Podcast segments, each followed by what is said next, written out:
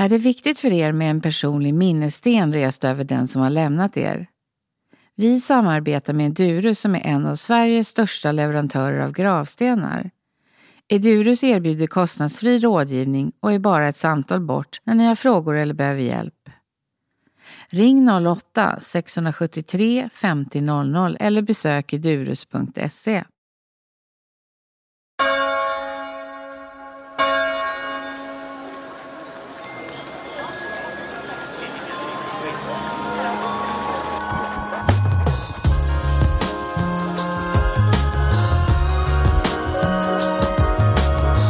du hur du vill ha din begravning? Har du bestämt vad det ska bli för musik, vad ni ska vara och vad det blir för mat? Det är det här vi pratar om i podden Min död, min begravning.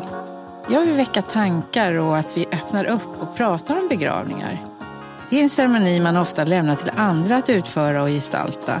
För mig är det alla detaljerna som skapar helheten när man ska hedra den avlidna. Jag heter Barbro Olsson Smith och välkommen till podden Min död, min begravning.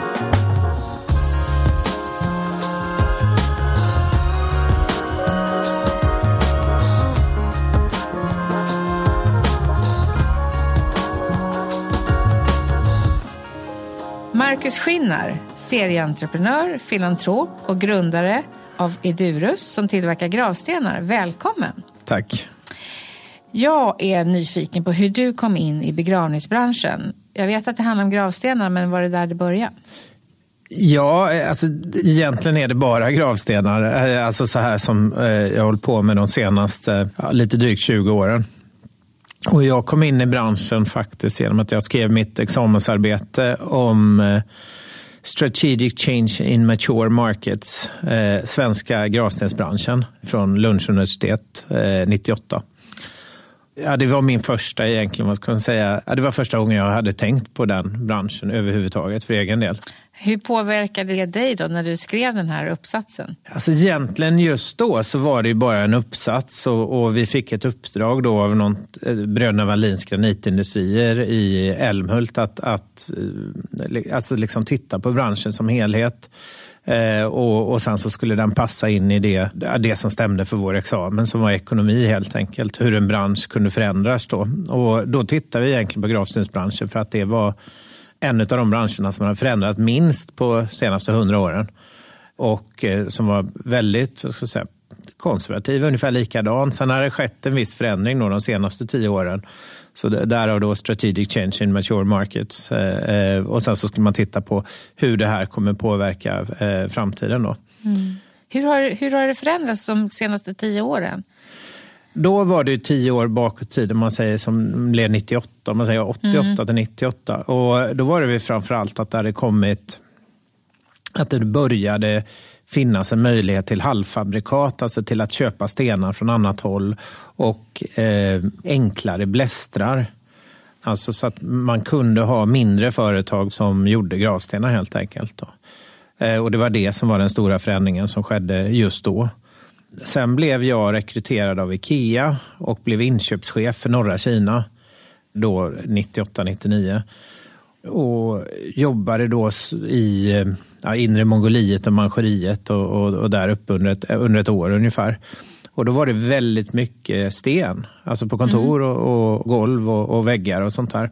Och jag hade fått en, en viss inblick då på prisläget, hur det såg ut i Sverige och också då på hur Ja, det, det, alltså Kina hade inte mycket pengar på den tiden. Så att jag bedömde väl att det måste vara väldigt billigt i och med att man hade sten överallt. Så jag hoppade av Ikea då 99 och startade igång eh, trading, eller man kan säga handel med sten eh, från Qingdao eh, i eh, norra Kina, eh, vid kusten där, eh, 99. Och började framför allt då med eh, mycket med bygg faktiskt, men eh, även med gravstenar. Mm. Halvfabrikat som vi kallar det då, alltså bara blanka sten, stenar utan text som vi framförallt sålde till eh, Fonus eh, stenindustri. Okej, okay, men var kom stenmaterialet från innan dess då? Var det bara svenska stenar då? Nej, det var nog mycket italienskt. Alltså, alltså själva materialen, om man, om man tittar på Alltså om man tittar på stenmaterial överhuvudtaget så Alltså varje färg eller intryck av en färg kommer från ett speciellt stenbrott. Det kommer från ett speciellt ställe. Om man, om man säger den här blåa stenen med fiskfjäll i, det den är från, alltså det är labrador, norsk labrador. Den kommer från Larviksområdet i, i Norge. Om man säger en viss röd sten, då kan du ha indisk röd. Den, den kommer från ett visst område i Indien. Du har kanske 200-300 000 olika sorters sten mm. om, om du tänker mm. då inom det man kallar dimensionell sten. Då. Eh, och, och, det finns en världsmarknad på det. Så att de stenen bryts och sen så skickas de dit där det sker tillverkning helt enkelt. Okay. Eh, sen är det väl självklart så i och med att det är tungt material så blir det en koncentration för vissa stenar ofta då i, i det land som de bryts. Ja, just det. Att man använder inhemska stenar. Ja. Har det förändrat sig någonting de senaste 20 åren att man har sten överhuvudtaget? Begravningssten, eller har det minskat eller ökat? Alltså det har hållit sig relativt stabilt. Det var ju fram till, alltså det blev ju Minneslund som kom då på 80-talet någon gång, ja. tror jag. Sen de senaste 20 åren så tror jag att Minneslund ligger runt 70-80 procent. Vi har ju det också som vi kallar Askgravlund, men det är ungefär samma sak då. Mm. Jag har ingen statistik på om det generellt sett har ökat. Jag tror inte någon har det just nu i alla fall. Då. Jag vet att, att Svenska begravningsförbundet har försökt att få fram rättvis statistik på det, men det är mer chansningar på var det ligger. Men man tror någonstans runt 70-80 procent som hamnar i, i minneslund och resten blir då gravstenar eller minnesmärken av olika slag då på eh, gravplatser. Så då är det färre som egentligen planerar och, och beställer gravsten idag? Ja, jämfört med 30 eller 40 år ja, sedan det definitivt ja. jättestor skillnad. Ja. För där är jag lite nyfiken. Tror du människor beställer gravsten på grund av själva stenens material eller är det utseendet, hur den är formad eller hur, den är liksom, hur man har smyckat den med symboler, illustrationer och typografi? det du säger att det finns ett ursprung för stenen är ju intressant. Alltså vill man ha någonting som är nära där man bor eller är det liksom viktigt att den är orange till exempel. Det kanske kommer från ett annat land. Eller... Jag tror att minnesmärket som sådan menar väl jag är alltså mycket, mycket tradition i det. Som är, alltså, jag menar, tittar man på gravstenar, om vi går tillbaka i alla fall 500 år, så ser de ju ungefär likadana ut. Mm. Så det, det, är lite att, att en gravsten tänker sig människor ser ut på ett särskilt sätt. Alltså att minnesmärket, hur den ser ut, är en Ja, det bygger på tradition i olika länder. Och Sen så har vi fått in influenser då väldigt mycket från andra länder. Och det, Där har det ändrats väldigt fort de senaste 20 åren.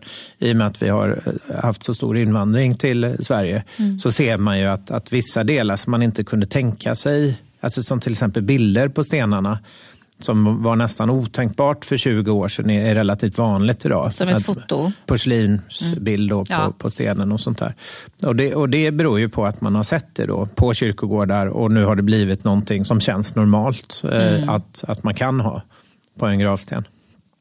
Jag tror också att det är så konservativt med gravstenar i allmänhet beror ju också på att man är så många som måste komma överens ofta. Alltså det är sörjande och det ska upp ett minnesmärke och om man kör det mest normala, alltså det som anses normalt och det som finns redan på kyrkogården, det är det man utgår ifrån så att säga i allmänhet. Och sen så vill man då göra förändringar där så, så blir det lite att alla måste vara överens, alltså då syskon och alla barn och så vidare. Därför så blir det sällan jätteradikala mm. eh, gravstenar. Men ibland blir det ju det. Alltså. Så tror du att människor får inspirationen från gravstenar som de ser på kyrkogårdar eller är det vad som finns till buds när man ska beställa? Jag menar om man går in på ett företag som gör gravstenar så finns det ju väldigt mycket att välja från. Man mm. har som en katalog. Man skapar ett minnesmärke efter någon som man har tyckt om oss för att ha någonstans att samlas runt och minnas den, den personen ibland så vill man skapa ett minnesmärke som just påminner om den personen. Då, mm. att, man går in mer. Annars så är det egentligen bara en sten som kanske härstammar från stenåldern nästan. Alltså från alltid, man sätter upp en sten helt enkelt mm. och skriver in i sten det namnet. Det är det som är det viktiga, att den förevigas i sten. Mm. Att det finns en tradition i det.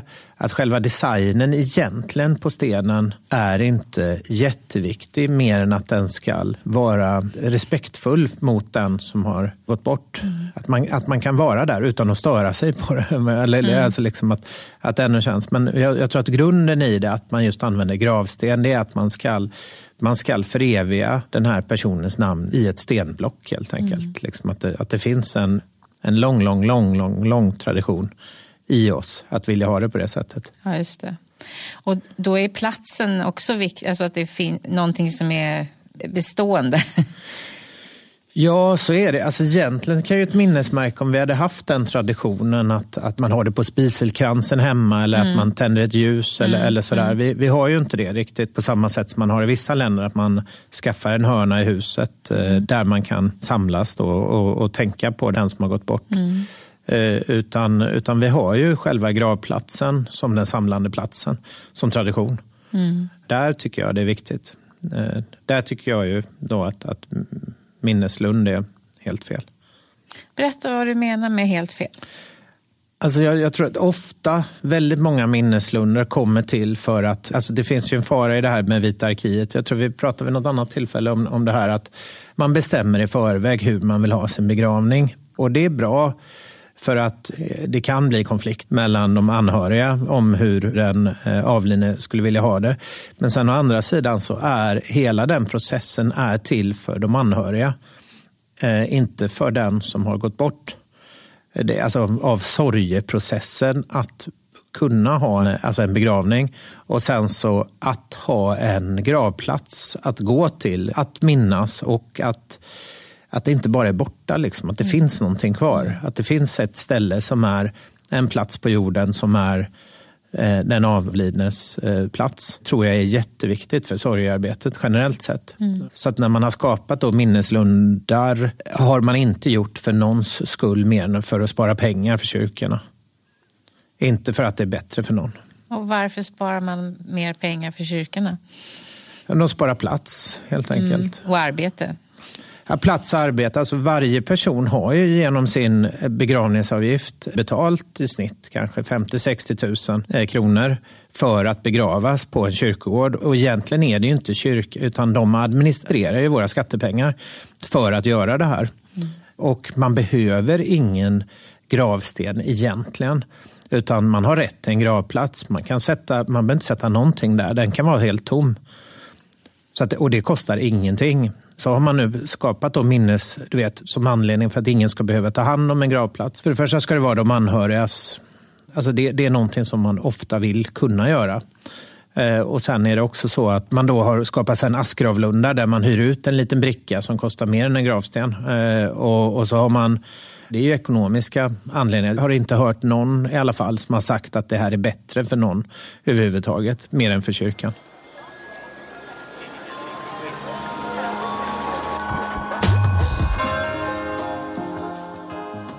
Kan du berätta lite mer om Askgravlund, hur det fungerar? Att du vet var askan är i Lund? Nej, det är Nej. en minneslund, men sen har man tagit ett, ett stort minnesplakat och så, och så kan man få eh, hyra av kyrkan ett litet plakat. I metall? Ja, i metall. Ja, det har jag sett. Ja. Mm. Och anledningen till att man hyr det, det är på grund av att kyrkan, i och med att de redan tagit betalt för, för begravningsavgiften, så får de inte lov att sälja, för att då säljer de ju någonting två gånger. Så att då mm. hyr man den här mm. lilla plakaten istället. Då. Det där är konstigt. Men jag menar det här med platsen. Eh, så om en del kanske tycker att gå till en minneslund är lika starkt som att gå till en, en grav med en gravsten.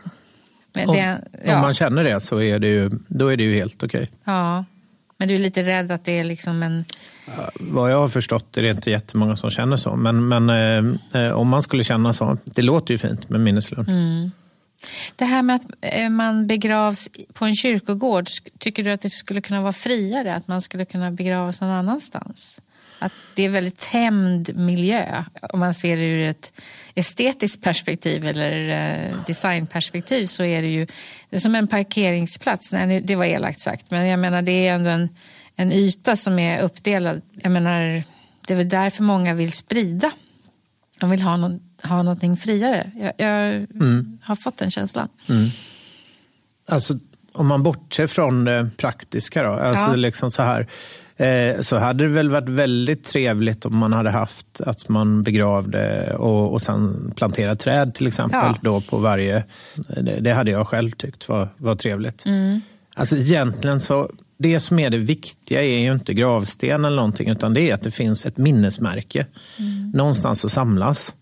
Och det är inte heller, nu kanske man inte ska säga så när man säljer, men det är inte jätteviktigt hur den ser ut. Utan det viktiga är att det finns ett minnesmärke som man känner är ett minnesmärke. Oavsett hur det minnesmärket är. Om det är ett träd, eller en buske, eller en sten eller en...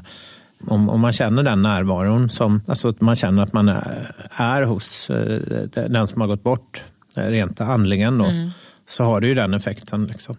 Och Det kan ju vara att man sprider över havet och man känner det när man kommer till havet. Mm. Du har ju varit en del i Kina. Hur gör man där? Vad är den stora skillnaden? Stora skillnaden? Alltså det är inte... Det är, oj, jag kan börja med likheter, eller på att säga. Ja. Alltså de, eh, de, eh, de, Hur är det i Kina? Hur är det i Kina? De, alltså de begraver ju också. De har ju andra... Alltså de, lägger ju enormt, enormt mycket pengar på sina eh, gravar och gravstenar. Alltså otroligt mycket pengar. Och det finns väldigt mycket regler om att alltså, det ska ligga på en sluttning och, och vara mot havet och i en viss... eh, och så vidare. Sen är det väldigt mycket regler, eller om man säger så, alltså kulturella regler. De ser ut på ett särskilt sätt. Alltså Man har en kanske en sköldpadda eller man har en pensel då, beroende på vad de håller på med i livet. Kina har ju i grunden en förfäderstro som är väldigt annorlunda än vad vi har. De känner ju inte på riktigt att någon har gått bort för att den är, död, utan, utan den finns kvar. liksom. Alltså traditionsenligt är ju de nu, nu finns det ju säkert alltså, sinologer alla möjliga som tycker jag är jättefel här. Men, men, eh, eh, för, men lite är det ju så att, att i och med att de tror att eh, alla förfäder finns kvar och det är nästan som en religion. Så är det också så att om man inte lägger resurser och pengar på en gravsten så kan de komma tillbaka och vara arga på en. Och då råkar man illa ut och har otur. Där är väl en jättestor skillnad. För så upplever vi väl det inte riktigt Eh, kanske här. Nej. Där kan man ju fundera lite på hur, hur eh, svenskarna lägger pengar kring en begravning eller minnesmärke jämfört med andra kulturer. Nu kan jag ju inte alla kulturer, men jag gissar att det är lite olika angreppssätt. Och då undrar jag var det ja. kommer ifrån. Alltså om det kommer från något mycket mer eh, att vi är praktiska på något sätt, om du förstår vad jag menar. Ja. Att vi inte är vidskepliga på det sättet. Och, ja. Ja. Eller vad tror du? Ett känsligt ämne men, men, eh, alltså på sätt och vis. Men man, man kan ändå säga så här att, att jag menar, de flesta människor, om man ska vara krass, så de flesta människor när man tänker på, när man diskuterar det här med gravstenar och när man diskuterar gravplats och allting, så utgår man på något sätt ifrån att en gammal människa somnat in efter ett långt skönt liv med sina barnbarnsbarn bredvid sig. Och då pratar man om det praktiska. Liksom så här. Men det är också väldigt många människor som faktiskt avlider tidigt i livet. Alltså det, man, man kan förlora sina barn, man kan förlora sin mamma eller pappa när man är ett barn eller, eller ett, ett syskon och så vidare. Och då är det inte så praktiskt längre. Alltså det, det är en väldigt, väldigt, väldigt stor sak. Jag vet faktiskt inte riktigt när gränsen går liksom i Sverige. När, vi, vi har ju en lite konstig syn kanske på att när man är gammal så ska man försvinna och inte vara till besvär. Nej. När den gränsen går, det, det kan jag inte riktigt, men det är ju ingen som lägger sina barn i minneslund. I princip. Nej. Det kanske finns, jag ber, alltså så här. Men, Ja. men det, här jag säger till att, att det är inte en plats att sörja på på riktigt. Det beror på att när det är väldigt, väldigt svår sorg, alltså som att förlora mm, sitt barn, eller, eller, då krävs det en annan typ av ceremoni. Och den är väldigt traditionsenlig. Då blir det ju alltid upp till föräldrarna liksom, att, att välja. Alltså det är ingen som har synpunkter på, eller, och bör inte ha det heller, på Nej. hur, vilket, hur de väljer att sörja sitt, sitt barn. Då.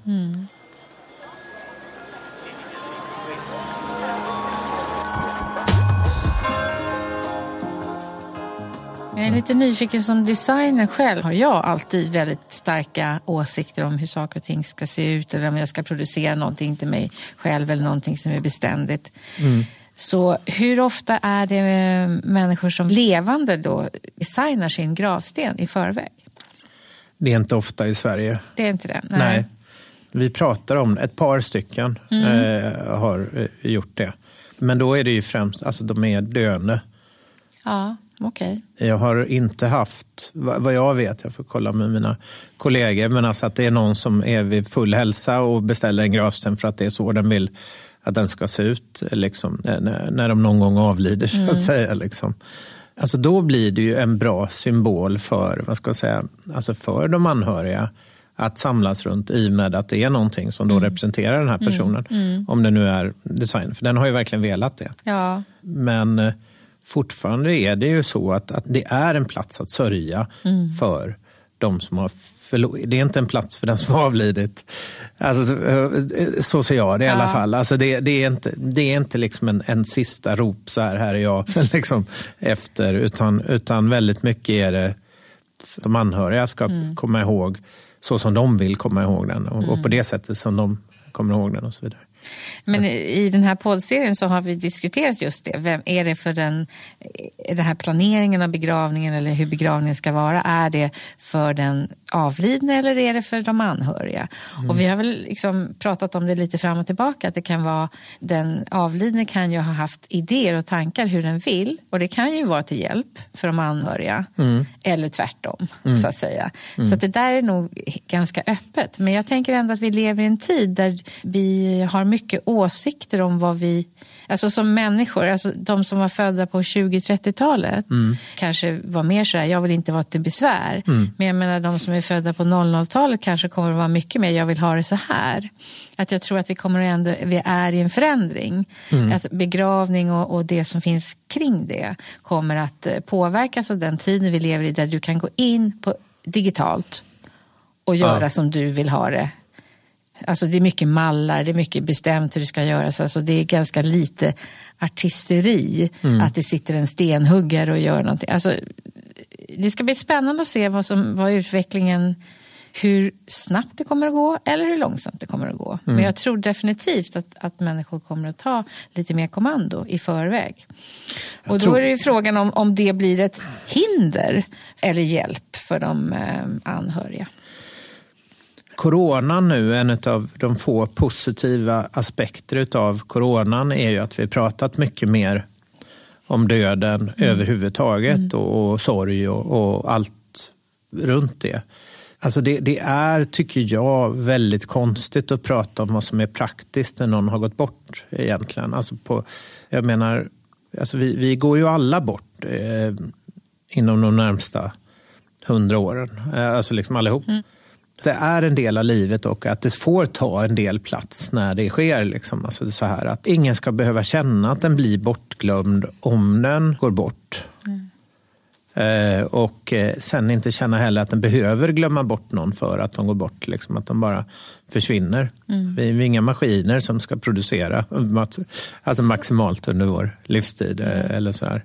Hoppas jag inte. Nej, men det var mer intressant i bryttiden att, att kräva mer plats eller liksom ta mer plats som du vill mm. för din framtida, eller i alla fall prata om det, diskutera. Jag tror prata om det eh, framförallt. Alltså ja. jag tror det här som du sa om 20-30-tal, alltså jag tror att de kommer ihåg en gravplats som något dåligt samvete. Mm. Där de har haft eh, farmor och farfar och mm. mormor och mm. morfar och alla som de, har tvungen, som de inte haft en relation till direkt kanske som de måste ta hand om. Ja. Det är klart att det har ju inte vi egentligen. Vi har ju inte riktigt det. Alltså du vet, liksom, nästa generation, vi tänker ju inte så. Och sen så kommer väl då om man säger våra barn. så de har inte det alls tror jag liksom, eh, i, i sig. Så att det är klart att det kommer ske en förändring. Sen är ju frågan om vad de känner. Alltså, vet, det är väldigt mycket nu att ha alltså en digital minnesplats och, och sådär. Alltså, vi känner ju inte att den existerar alls skulle jag säga. Alltså i, i, i vår generation. Men jag tänker på mina barn som är ja, 13 och 15. De lever ju mycket större del av sitt liv i på nätet. Mm. Och de upplever ju att de har träffat människor på ett helt annat sätt när de träffar dem online. Ja. De kan inte riktigt se den stora skillnaden. Så det, det kanske blir att det känns rätt för dem. Ja. Eller så blir det precis att man vill också ha någonting i sin närhet eller någonting fysiskt. För att man spenderar så mycket tid online. Jag tror det. Sen, sen får man väl, alltså man kommer ju in i andlighet. Det beror på vad man mm. tror på. Alltså, jag menar, en anledning till att till exempel att, att kyrkan är man religiös eller är man kristen så ska man ju eh, vara på vigd mark. Alltså, så att säga.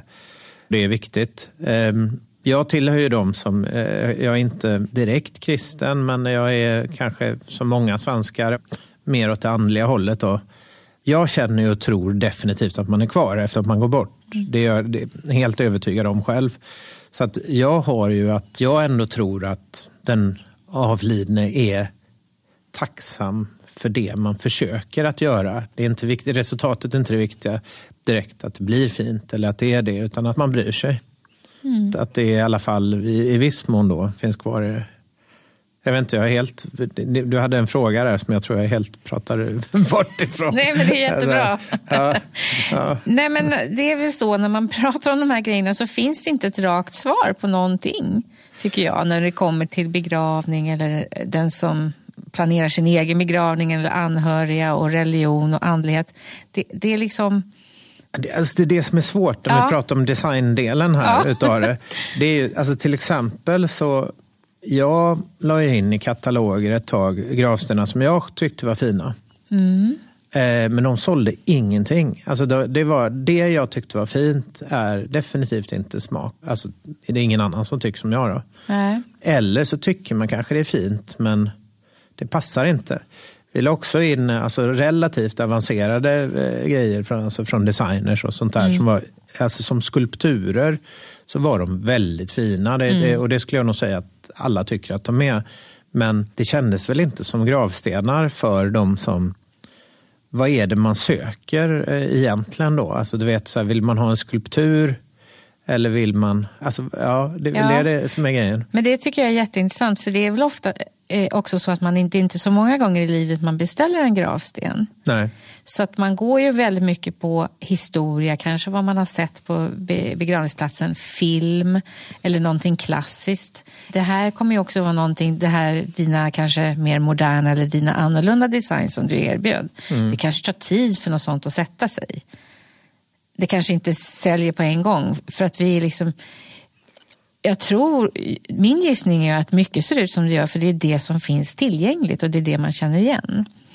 Mm. Eh, men, men jag tror ju att det där kommer att ändras med tiden. För just nu tycker inte jag att designen i sig är lika förankrad i, i vår verklighet utan den är ju mer för, förankrad antingen i någonting väldigt gammalt mm. eller någonting internationellt formspråk inom begravning. Så skulle jag vilja säga.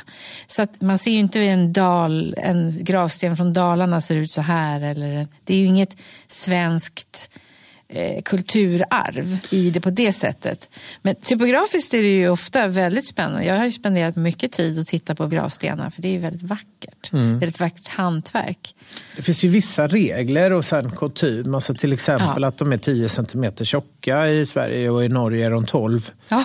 Alltså det har ju bara blivit så. Ja. Sen är det ju vissa mått då, som alltså man på rätt många kyrkogårdar som man hade innan så fick, bestämde ju de precis vilka mått som man fick ha för att det skulle passa in då mm. för övriga. Och då var det ju högst det och högst det och, och så vidare. De hade ju rätt enormt mycket synpunkter, kyrkogårdarna, om vilka typer av gravstenar som man får ha. Fortfarande är det ju så att varje gravsten som sätts upp måste ju godkännas av kyrkogårdsförvaltningen. Okay.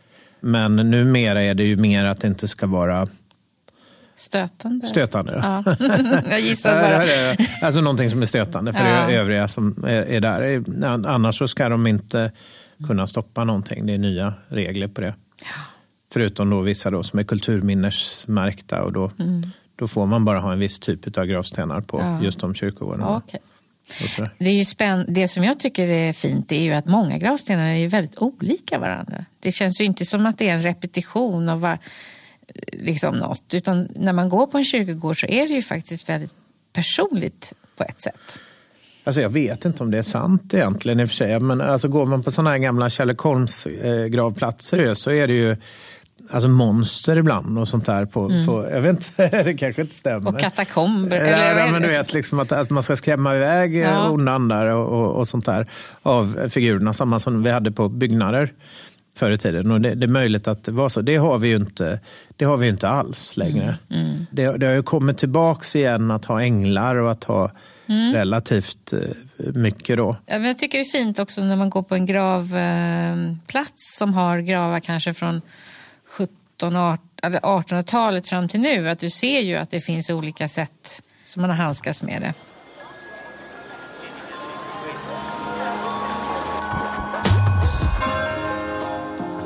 Vad väljer ni era Vad kommer den... Är det liksom stenhuggarna eller de som blästrar eller? Det, det, är rätt långa cykler på det. Alltså så att säga, vet, det ska in i en katalog och det ska prissättas och det ska mm. det ena och det andra. Och vi plockar bort de gravstenarna som inte säljs alls. Alltså man säger att vi säljer en 5-6 tusen stenar, eh, eller 5 tusen kanske eller någonting nu. Olika designs? Individ, alltså, eh, antal, antal liksom ja. stenar. Och så har vi väl ungefär 60 stycken, kanske 50-60. Alltså liksom grunddesigner. Och sen så en 20 procent kör egen design. Mm. Och då kan det ju vara vad som helst egentligen. Men det, ofta utgår man ju från de designer som är. Men det kan också bara vara precis vad som helst. Alltså, mm. Det kan ju vara en, vi har gjort en flygel eller båt eller eh, statyer eller alltså, mm. vad, vad, som. Utmaningen, vad ska jag säga så här då. När det kommer någon som du som är väldigt intresserad av design så kommer du ändå inte välja en design som någon annan har gjort utan du kommer göra din egen design. Ja. Så att det, det vi gör är väl lite att vi kan sätta ut i katalogen bara, det här går att göra. Det här är sånt som vi har gjort. Går det att göra det här? Alltså du vet, det mm. finns liksom ingen det, det, finns ingenting som du inte kan göra. Alltså jag menar alls eh, egentligen i mm. sten. Mm. Alltså så här, det, det, finns det väl såklart liksom vissa former som är väldigt svårt. Men i, mm. i princip allting. Och då gör man ju det. Men sen blir det ju den, den kan ju inte vi sen lägga ut en katalog. Nej, nej. Eh, för då är det ju någon annan som har gjort den individuella för den personen så att mm. säga. Och den är ju väldigt personlig. Mm. Så att den är ju inget som vi säljer till någon annan. Liksom, mm. alltså så. Utan då blir det ju igen att vi har ändå en viss alltså traditionsenliga modeller i katalogerna. Och sen eh, informerar vi om att du kan göra precis mm. vad du vill om du känner för det. Det kan vara därför som våra ska säga, spännande designer aldrig köps. För att om det är någon som bestämmer sig för, oj, kan man göra så här? Mm. Kan vi göra så här också då? Eller kan vi göra så? Och då mm. blir det egen design direkt, mm. att man kommer in och, mm. och gör och, och, och, och formger sin egen gravsten. Ja.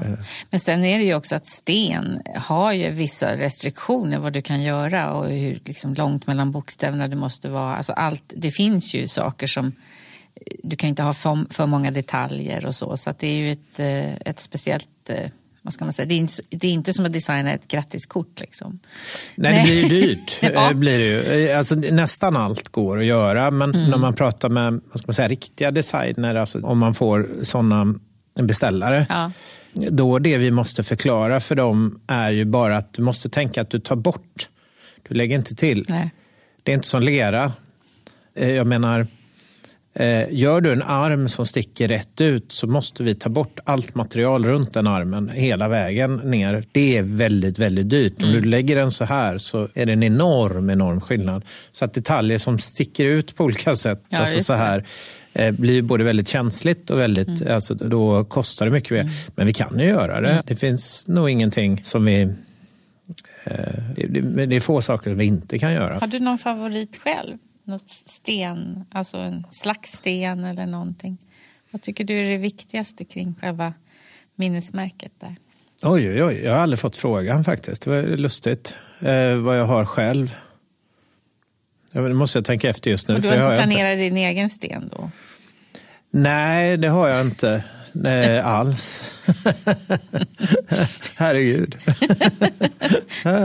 jag är ung ännu. Ja, och det ska ju de anhöriga göra åt dig, ja, eller hur? det ska de göra. Uh, nej, jag, jag, alltså jag, jag, jag, tycker nog att, att, det, ja, att det är någonting som... Om, om man säger så här då, alltså min gravsten, om man, om man ska vara, nu jobbar jag med det här, så att jag, jag har ju två yngre barn. Skulle jag gå bort så är det ju till dem. Alltså bara, mm. i princip. Då får jag alla andra backa, för det är ju viktigt för ens barn att mm. de känner att det är någonting som för dem representerar mig. Mm. Det är inte att jag ska ha en rolig gravsten, för det är ju inget roligt med det eh, egentligen. Om, om man lämnar yngre barn eh, eh, efter sig, så att säga. Mm blev genast så tråkigt, hela ja. diskussionen. det är svårt att få den. Alltså det har med graden av sorg att göra. Mm. Eller hur mycket bearbeta. Alltså du vet, man får faktiskt säga att det är mycket mer att tänka på om man har barn mm. och det är någon förälder som har gått bort. Då är det för barnen. Eller om det är ett, ett, mm. en... Det som är med när en äldre person går bort, det är ju att då är ju de anhöriga vuxna i allmänhet. Mm de närmsta anhöriga. Mm. Och då har man en annan ändå ett annat perspektiv mm. på det hela och kanske inte är lika sårbar och förhoppningsvis klarar det bättre. Då. Mm.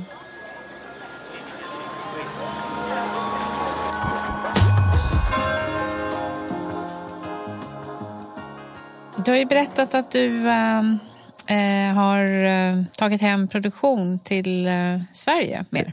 Jag håller på att jobba på att ja. ta hem produktionen. Ja. ja. Vad innebär det då? Jag började ju i Kina. Alltså jag, började, jag bodde ju de första tio åren alltså där, bodde jag i Kina fram till 2011. Mm. Så hade vi hela verksamheten från Kina. Så det, det var egentligen inte så att jag valde Kina på det sättet, utan jag bodde där. Ja. nu kommer vi flytta hem tillverkningen. Men när du säger tillverkning, är det inte så att en sak är att bryta själva stenen? Ja. Och sen är det att eh, kanske sätta ut den i rätt storlek. Men sen är det här själva liksom lägga, lägga namnen. Är det som tre olika steg? Ja, det kan man väl säga. Alltså, jag menar, vi har ju alltid gått ut officiellt med att vi tar vår sten, då, framförallt från Kina, och det var inte så konstigt för att vi var bara i Kina. Liksom. Alltså det mesta som görs, görs i Kina eller Indien. Eh, för alla. Mm. För att du har ingen i Sverige som sitter och gör en ängelsten. Det, det är ingen som klarar det. Du Nej, så hantverket de... finns inte här? Nej, vi har, inte, vi har tappat det. Vi har, vi har det inte längre. Så finns inte. Vi har inte de stenhuggarna. Så du kan inte påverka det med din nya satsning? då? vår nya satsning, då, då kommer man ju till robotar. Det är ju det som börjar komma till nu. Så nu har ju då teknikutvecklingen gått så pass långt så att det går att göra rätt mycket med robotar. Det som är tråkigt när man gör änglar eller någonting med en robot, det är ju att de blir exakt så som man har tänkt det. Men det blir lite själöst i förhållande till en konstnär. En konstnär är ja. alltid bättre på att göra ett ansikte så att det är snyggt än, än vad en robot kan vara, även eh, menar jag. Mm. Det räcker att man hugger en liten millimeter bara bort på ena kinden så blir det plötsligt att den Individuellt. ser... ja. ja, blir också att den ser glad ut istället ja. för ledsen ut eller, eller någonting. Alltså det, det, det är svårt att, att mm. göra det men det blir ju då alla blir mer likadana och sådär. Mm. Det är inte bara ängelstenar man gör utan man gör väldigt mycket vad ska Typografi också? Ja, eller, och vanliga stenar. Ja. Eh, sådär. Och det går ju att göra i Sverige. Det är, det är ju bara att det, då kan man använda svenska material. Men det är ju rätt många material som inte finns i Sverige. Vi har ju svart sten i Sverige, eh, jättefin svart sten, men den går till export för att eh, den är för dyr. Utan den går till japanska gravstenar, framförallt den som är kolkolsvart. Eh, sen finns det ju i, i Finland också svart sten, men den är inte lika svart då. Som man kan använda. Det finns i Ukraina också. Eh, den stenen som är mest lik svensk är argentinsk tror det var Argentina, alltså Sydamerika i alla fall. Mm. När de här bergen bildades, då satt vi ihop med Argentina. Ah. Men vi har ju vissa eh, fina material, men vi har inte så många då.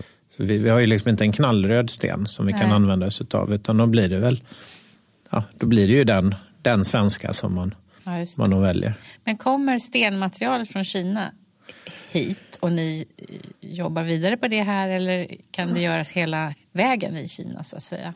Komma färdig? Vi gör hel, allting i Kina ja, idag. Allting i Kina. Ja, mm. I Kina och, i Estland så när. Så vad kommer ni att göra i Malung? I Malung som det blir nu, då kommer vi göra allting där. När det är klart. Mm. Men det är en rätt På svenskt stor... material då? Ja, då blir det ju på svenskt material, där det finns svenskt material. Mm. Det som är för min del konstigt med gravstenar, det är ju det att man kan tycka ur miljöperspektiv, och det, det kan jag hålla med om, att, att man ska tillverka saker alltså nära. Mm. Sen också då den, den lokala traditionen vid, vid liv och sådär. På samma gång som vi är otroligt stolta över Ikea som ju inte har särskilt många, eh, köper du en soffa på Ikea så är den ju inte gjord i Småland. Nej. Eller eh, eh någonting egentligen. Alltså, eh, kanske, ja, kanske finns något idag, det vet jag inte. Men, men det är inte mycket. Det är ingen som begär egentligen att man ska gå om man köper en kostym, att eh, varför gör du inte... Det finns de som syr i Sverige, varför låter du inte dem sy upp kostymen? Ja, för att det, då kostar kostymen 90 000 spänn och jag har inte råd med det. Och det är ju faktiskt också en aspekt som har varit, alltså det blir ju dyrare med tillverkning i Sverige mm. som det har varit. Och lite grann att de här argumenten finns, det är ju för att vi har ju en grupp som är väldigt känsliga. Anhöriga är ju väldigt känsliga för precis allting just då och bryr sig inte om pengar. Då kan man ju tänka sig att eh, jag menar, vi har debatten faktiskt om gravstenar, eh, om att, eh, liksom, att det ska vara nära och det ska vara det. Men, men samma familj som köper bänkskivor eller köper nytt golv till sitt badrum och sådär, de går ju inte och kör alltså lokaltillverkat badrum eller lokaltillverkad garageuppfart eller mm för att då är de mycket starkare konsumenter. Så jag får väl ändå säga, jag vill, alltså anledningen till att vi flyttar tillverkningen till Malung det är för att eh, vi ska vara snabbare och, eh, eh, och, lite nu också i coronan att det blev så pass sårbart att ha långa leveranser och eh, eh alltså det känns rätt.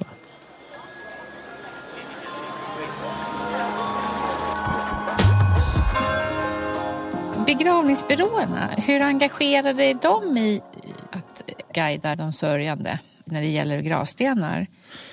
Det som är lustigt egentligen med gravstenar det är att traditionsenligt i Sverige så har det inte varit begravningsbyråer som säljer gravstenar. Nej.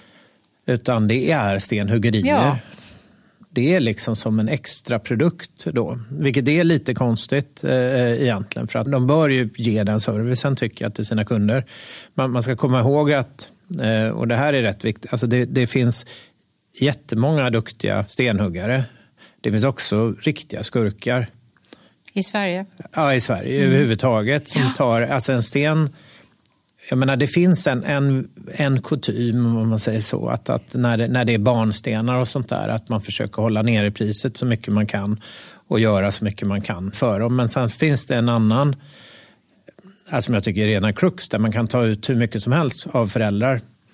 Eller det är rena krux. Jag har sett många exempel på gravstenar som andra har sålt för 30-40 tusen som är samma typ av gravsten som vi skulle sälja för 8-9 tusen. Mm. Därför tycker jag att begravningsbyråerna egentligen har en jag tycker de har en skyldighet att informera sina begravningskunder om vilka seriösa eh, stenhuggare det finns eller sälja dem själva. Då, liksom. Det gör de väl nu, en del stora Ja, de stora gör det. Ja, ja okej. Okay. Men det finns så många olika begravningsbyråer. Ja, det finns många olika och alla, alla gör det ändå inte. Alltså det, många känner väl, alltså man får säga så här att de flesta begravningsentreprenörer mm. ger sig in i branschen för att hjälpa folk i sorg. Mm, mm. Eh, det får jag säga. De flesta som jag har träffat och som har då valt den här, de, de har, många har varit med om någonting själva så att de vill hjälpa människor i sorg helt mm. enkelt. Liksom i, genom den svåra processen som det är. De känner väl att, att de liksom säljer på då kunderna någonting. För man behöver inte välja gravsten förrän senare och det är så väldigt många val ändå. Ja. Det här har jag ju sagt ofta till begravningen. Ni måste tänka på att ni släpper ut dem till vargarna. De kan ingenting. Nej. De har ingen aning av att bedöma vad som är hög kvalitet eller låg kvalitet eller vad som är dyrt eller billigt mm. eller, eller någonting. Utan de går till första bästa. Det finns en kutym att man inte ska höra av sig till anhöriga förrän efter fyra veckor efter att någon har avlidit med reklam på något mm. sätt. Då, liksom. då är det ju då de mest oseriösa så att säga som inte håller sig till det. Ja. Och då är de första fem, sex katalogerna de får för gravstenar är ju inte från de kanske mest seriösa i allmänhet. Kan vara det, att folk tycker att ja, om alla skiter i det så skiter vi också mm. i det. Liksom, informerar om att vi existerar. Men det, det finns ändå den kutymen liksom, att man ska vänta. Men hur många aktörer kan höra av sig till någon som nyligen har förlorat? Det är massvis. Alltså hur många ungefär? Jag vet inte, sju, åtta, tio, femton. Beroende på var man bor i landet kanske också? Jag vet inte exakt. Nej.